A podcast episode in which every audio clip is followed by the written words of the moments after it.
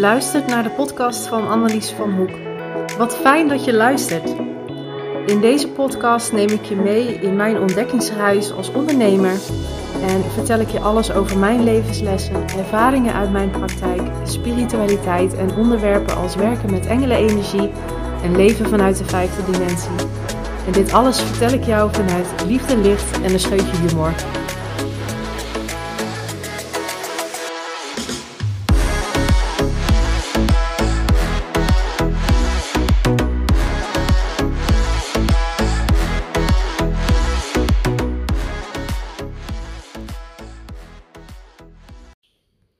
Yes, je luistert naar de Annelies van Hoek podcast. Wat fijn dat je er bent.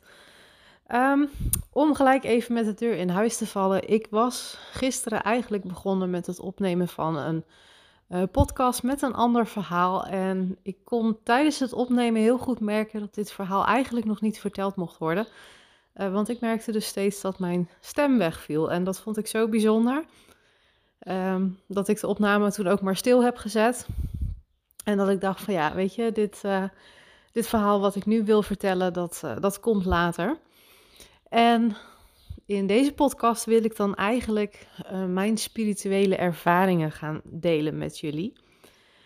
En laten we eens even teruggaan naar ongeveer um, twee jaar geleden. Um, nou, ik zat toen natuurlijk midden in mijn burn-out. ik heb het al eerder over gehad, maar voor mij voelt dat echt als een um, een bepaald soort eikpunt, een, een nieuwe fase waar ik toen in zat, waarbij ik op een gegeven moment heel anders ben gaan denken, hele andere keuzes ben gaan maken. En daardoor kom ik daar ook steeds weer een beetje uh, op terug. Um, maar in ieder geval in deze periode, ik las op een gegeven moment op Pinterest een artikel over uh, hoe je contact kon maken met bijvoorbeeld aartsengel Michael of andere engelen of aardse engelen. En ik vond dat zo interessant en s'avonds in bed kon ik niet slapen en ik dacht van nou weet je, ik ga gewoon eens proberen wat ik net heb gelezen. En er stond toen in dat artikel iets van een gebedje bij. Um, ik weet niet meer precies hoe dat ging. Uh, maar in ieder geval, ik weet wel nog heel goed dat ik dat uh, een soort van, een soort gelijk gebed heb opgezegd in mezelf. En ik kreeg toen al heel snel antwoord van, aartsengel Michael. En het is voornamelijk de uh, energie van aartsengel Michael die ik dan voel. Maar ook als hij uh, in contact is met mij en tegen mij praat, dan um, voel ik en, en hoor ik ook de energie zeg maar, van een bepaald um, vaderfiguur. En ik merk dat hij tegen mij praat in de vorm van als uh, hij spreekt dan een zin uit.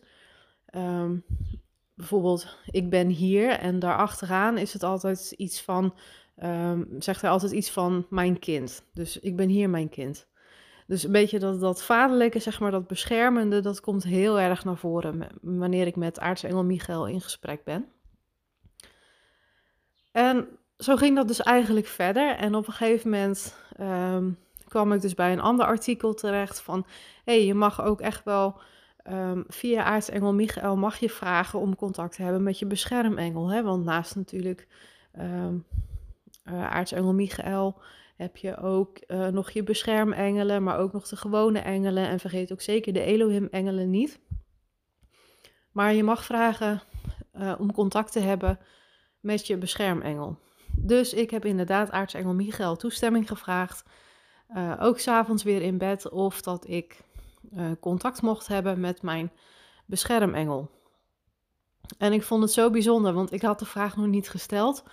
En dat ik ook echt hoorde van Ariel, mijn naam is Ariel.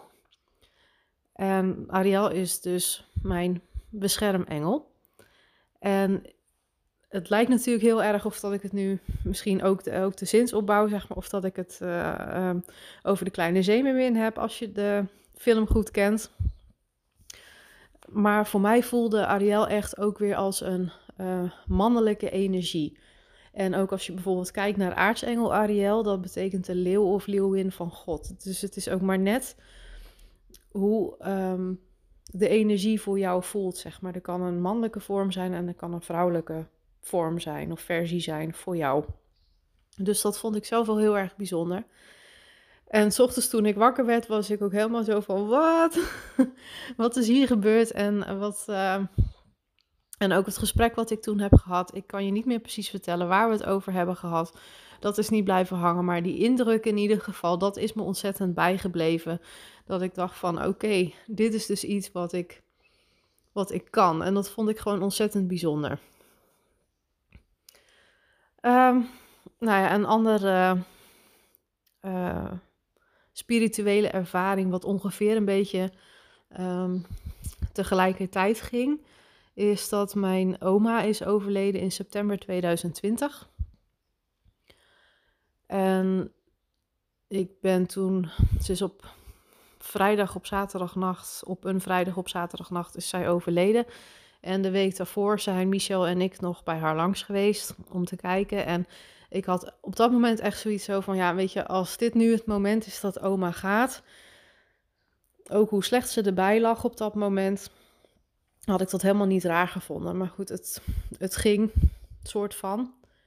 En daarna, uh, ook op het moment toen wij weggingen, toen zei ik tegen Michel, ik zeg, dit is de laatste keer dat ik oma bij leven heb gezien. En natuurlijk heb je nog wel de hoop. En uh, de week daarna ging het ook met ups en downs. En ondanks dat het slecht ging, is ze ook nog wel een keer uit bed geweest. En uh, heeft ze bijvoorbeeld ook mijn uh, moeder nog bedankt voor alles wat ze heeft, uh, wat mijn moeder voor haar heeft gedaan. Uh, terwijl dat is niet iets wat zomaar in mijn familie zeg maar, wordt uitgesproken naar elkaar. Hè? Echt, het, echt het dankbaar zijn. Dus dat vond ik wel heel erg bijzonder. En ik denk ook wel dat oma het aanvoelde komen. Ik denk dat op een gegeven moment dat je, mocht het zover zijn, dat je iets voelt, voelt aankomen, zeg maar. Uh, niet altijd natuurlijk, maar het, ja, zeker natuurlijk als je een bepaalde leeftijd hebt, hebt bereikt, dan denk ik maar dat is echt een, een gok natuurlijk. Ik weet het niet zeker. En dat, ik hoop dat het me ook nog even bespaard mag blijven. Maar in ieder geval dat je het dan een soort van, van aanvoelt komen. En in ieder geval, uh, ja, omdat het toch nog wel redelijk ging met oma, hadden we dan toch nog het idee van, nou ja, hè, dan gaan we toch ook die zaterdag toch nog maar een keer langs. Um, maar ik kreeg op vrijdagavond kreeg ik van mijn vader al een telefoontje dat het echt gewoon heel slecht ging met oma. En uh, ik zeg, nou, moeten we langskomen? Nou ja, doe maar niet. En wij zijn, uh, nou ja, s'avonds naar bed gegaan. En ik voelde me enorm onrustig. Weet je, je weet gewoon dat er iets staat te gebeuren. Uiteindelijk ben ik wel in slaap gevallen. En uh, het bijzondere is dat ik op een gegeven moment op een bepaald tijdstip, voor mijn gevoel echt rond half twee, s'nachts, dat ik heel bewust, uh, ondanks dat ik lag te slapen, maar heel bewust um, kon ik onze uh, deuropening van de slaapkamer zien en dat mijn oma in de deuropening van de slaapkamer stond. En dat zij uh, echt heel goed naar me keek en dat ze zei: Dag lieverd, doei. Het was heel kort. En ik zag haar toen ook omdraaien en toen was ze weg. En niet lang daarna kwam mijn kat Phoebe uh, ons wakker maken, want uh, deze dame wilde eten. En uiteindelijk zag ik uh, beneden op het digitale klokje van de, van de oven dat het toen tien voor twee was. En nou ja, ik, ik, voel, ik voelde me op dat moment ook heel rustig. En dat ik echt bij mezelf ook voelde van, nou ja, weet je, het, het is klaar, het is gedaan. Het, het hoeft niet meer. En de volgende ochtend rond een uur of negen werd ik ochtends ook door mijn vader gebeld. Zo joh, hè, oma is afgelopen nacht overleden. En ik vroeg toen aan mijn vader nog veel, maar hoe laat was dat dan? Dat oma is overleden. En hij zei, ja, rond half twee. Dus gezien mijn beleving, zeg maar, in, in mijn slaap en... Uh, ja, zeg maar tot het punt dat, uh, dat uh, Poes mij kwam wakker maken. Ja, er zit natuurlijk niet heel erg veel tijd tussen. Dus het kan gewoon niet anders, in ieder geval in mijn beleving, dat het, dat het klopt, zeg maar, dat mijn oma echt afscheid van mij is komen nemen. En wat ik zo bijzonder vond, is dat ik me niet zozeer bewust was, zeg maar, van die band van mijn, tussen mij en mijn oma. Um, dat ze mij dus heeft uitgekozen om echt actief afscheid van te nemen. En dat, ja, dat heb ik zelf als zeer bijzonder ervaren. Maar wat ik nog bijzonderder vond, is dat we mijn oma op donderdag 24 september hebben begraven. Uh, mijn opa is al eerder overleden, in februari 2019. Dus um, hij lag natuurlijk al ergens in het graf op het, op het kerkhof. En die dag hebben we mijn oma dus ook bij mijn opa bijgezet. Maar wat hier zo bijzonder aan is, dat 24 september was ook hun trouwdag. Dus hoe bijzonder is het dat we mijn opa en oma weer bij elkaar samen hebben gebracht op hun trouwdag. Weet je, en natuurlijk op zo'n dag ben je best natuurlijk eh, verdrietig en zo, maar het, ja, de, het, het ontging mij niet, zeg maar, hoe uh, bijzonder, bijzonder mooi ik dat vond. En dat ik zoiets had van, ja, weet je, toeval bestaat gewoon echt niet. En zeker als je het dan bijvoorbeeld hebt over um, hè, dat, je, dat jouw ziel van tevoren kiest in grote lijnen wat um, hij of zij op deze aarde gaat meemaken, zeg maar, in, in, in, hun, in hun leven. En ook hoe deze persoon, hoe jouw ziel ook weer van deze wereld vertrekt. En, uh, hè, en dus ook um, hoe jij dus, hoe jouw ziel, hè, hoe jou, jouw ziel heeft gekozen om hoe um, je op een bepaald punt komt te overlijden. Um, ja, als dit zo natuurlijk voor mijn opa en oma moest zijn, ja, dan vind ik dat alleen maar fantastisch. En dan vind ik het heel lastig om daar ja, verdrietig bij te zijn. Of, want ik zie echt alleen maar de mooie kanten van. Weet je, en mijn opa en oma hebben allebei een goed leven gehad en ook een lang leven gehad. Dus het, het was ook goed zo. Ik bedoel, iemand hoeft niet, uh, hoeft niet langer te lijden dan natuurlijk nodig is. Maar goed, dan gaan we even een fast forward maken naar uh, ehm, 2021. Volgens mij had ik al eerder verteld um, dat wij vorig jaar zijn verhuisd naar Tolkamer en inmiddels ook alweer op zoek zijn naar een, uh, een andere woning. Maar in ieder geval, vanuit onze vorige woonplaats moesten wij gewoon echt weg. Um, ik ben in 2014 in dat huis komen wonen, uh, een koophuis. En al heel snel bleek dat ik een zeer luidruchtige buurman had die regelmatig tot diep in de nacht hele harde rockmuziek um, aanzette. Um, daar heb ik een paar keer de politie voor gebeld. Daar hebben andere buren een paar keer de politie voor gebeld. Um, verschillende keren ook aan de deur gestaan. Van joh, mag het wat zachter? Ook diep in de nacht.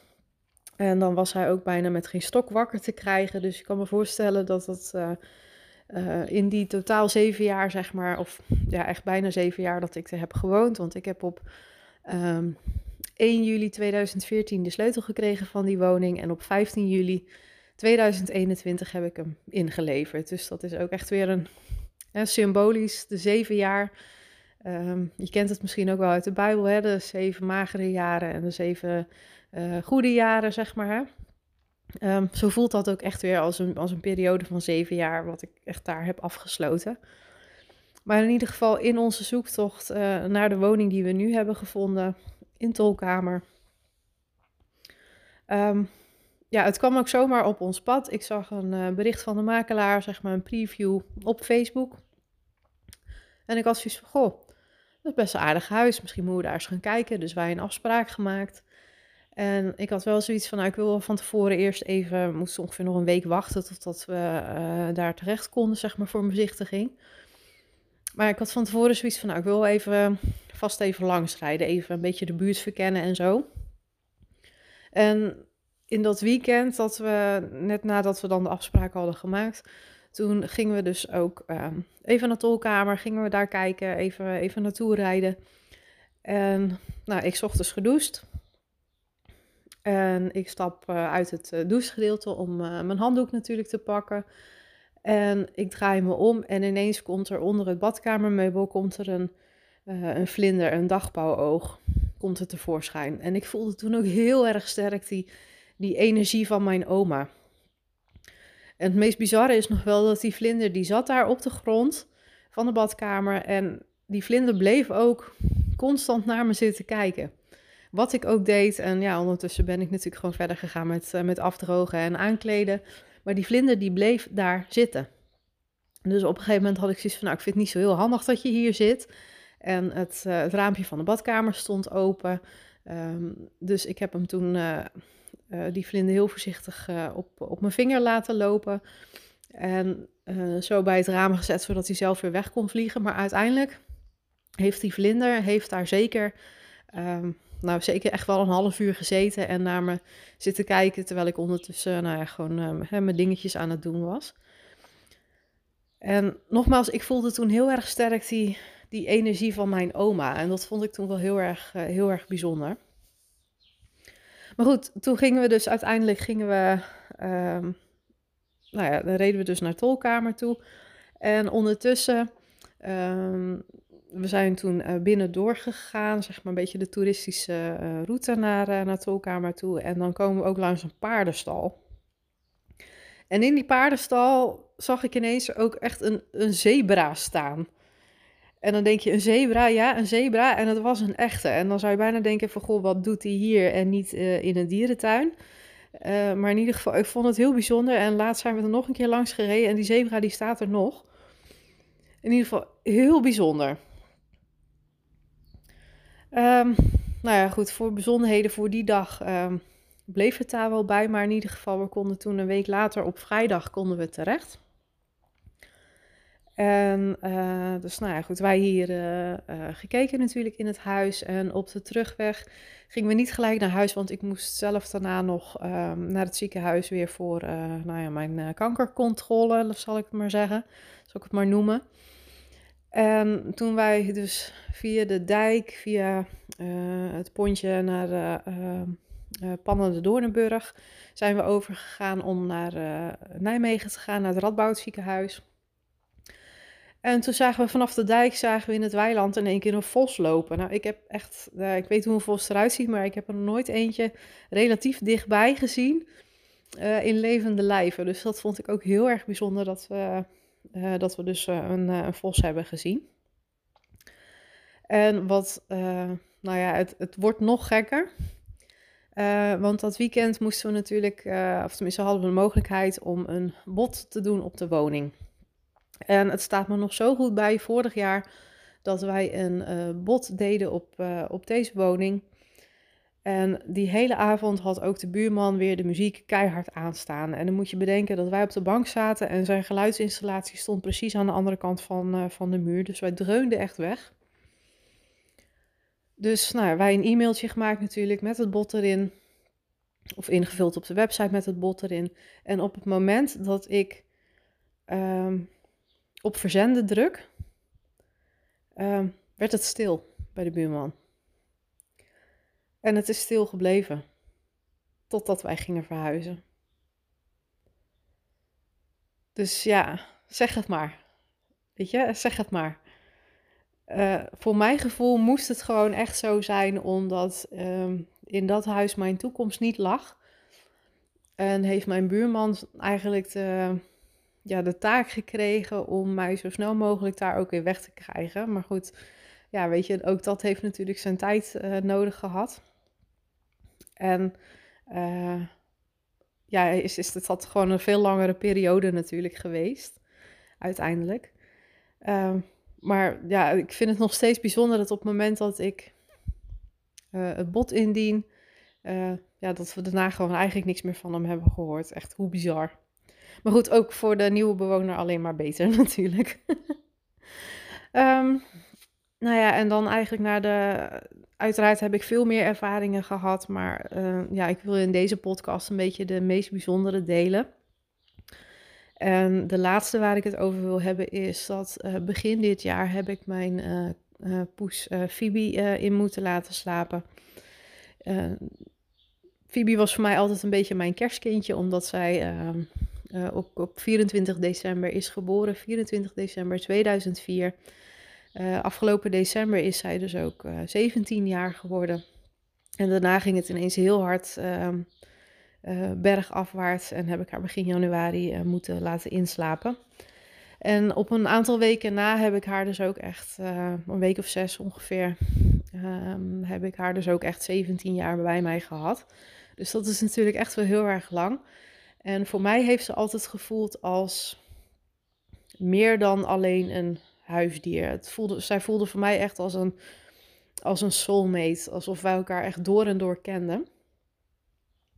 En achteraf blijkt dat ook wel te kloppen. Want ik heb uh, uh, ongeveer een week nadat ik haar, heb laten inslapen... contact met iemand gezocht... Uh, die dus kan communiceren met dieren. En daar heb ik uh, met hem een, een, sessie over gehad. En hij vertelde mij dus ook dat Phoebe en ik dus al ruim 2000 jaar met elkaar optrekken.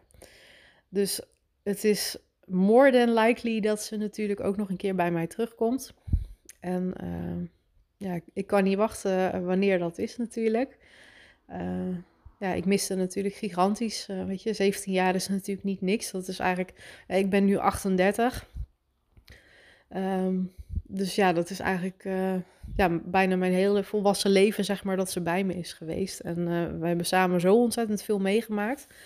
En een van de dingen, dat kan ik wel vertellen trouwens, die we samen hebben meegemaakt. Op het moment dat ik dus um, de tumor in mijn been had, had zij een tumor in haar oog. Dus nadat ik mijn bestralingsreeks op had zitten, um, heb ik bij Phoebe haar oogje moeten laten verwijderen. Omdat daar dus een, uh, een, een tumor in zit. Dus ook het hele kankerstuk wat ik heb meegemaakt, dat hebben we eigenlijk samen gedaan. Dus weet je, en dat is natuurlijk niet voor niks. Dat geeft natuurlijk ook wel aan wat, uh, wat voor we samen hebben gehad. Maar goed, je hebt natuurlijk al een beetje um, gehoord hè, dat ik um, ja, regelmatig als ik een vlinder zie, dan voel ik echt die energie van mijn oma. Ja, zeker natuurlijk ook uh, nou ja, de vlinder in de badkamer waar ik net over vertelde. Um, maar wat ik zo bijzonder vond, is dat um, na het overlijden, na het inslapen van, uh, van Phoebe, we waren op een zaterdag laten inslapen in januari, um, kwam er ineens van maandag tot vrijdag uh, in die week, uh, in die dagen daarna, dat er ineens een witte duif hier steeds in de tuin kwam zitten op het, op het vogelhuisje. En die ging dan ook echt zo door het raam naar mij zitten kijken als ik aan het werk was achter mijn laptop of uh, op de bank zat of iets dergelijks. Um, en die duif die bleef daar dan ook echt heel lang zitten, zeker wel een uur. En dat vijf dagen achter elkaar. En nog steeds komt die duif zo af en toe een keertje kijken op het moment dat ik voel, zeg maar, dat ik het het hardst um, nodig heb. Of als ik weer even aan Phoebe denk bijvoorbeeld. Maar die duif die komt dan iedere keer weer even terug. En ja, dat vond ik, uh, dat vond ik wel heel erg, uh, heel erg bijzonder eigenlijk. Uh. En ja, daarom wilde ik het ook graag met jullie delen. Want wie weet, tenminste dat, dat hoop ik. En dat is natuurlijk ook de intentie van, mijn, van deze podcast. Ehm, dat je ja, dingen gaat, uh, gaat herkennen. Dat je er, dat je er iets bij, uh, bij voelt. Um, inderdaad, uh, misschien herken je hier gewoon iets, iets, iets in. En denk je ook zo van, oh, dus dat was misschien dat. Of um, misschien herken je iets van, um, van, van iemand hè, die jij bent, bent verloren. Een bepaalde, bepaalde energie. Maar in ieder geval wil ik deze podcast ook weer afsluiten met een, uh, met een kaartje. En ik heb er weer een uit het uh, dek van Willemijn Welten. Manifesteren kun je leren. En vandaag wens ik patronen die worden doorbroken. Het oude laat ik in dankbaarheid los. Weet je, en dat is denk ik ook de boodschap van deze hele podcast. Dat je uh, dat je, dat je mensen om je heen ook in liefde kan loslaten en toch weet dat ze dicht bij je zijn. En als dat nodig is, dan zullen ze ook echt wel contact met je opzoeken door middel van een vlinder of uh, een vogel of een ander dier of een, of een ander teken. Dus dat is wat ik je in deze podcast wil meenemen. Dus voor nu sluit ik hem echt af. Ik wens je nog een hele fijne dag en tot de volgende keer.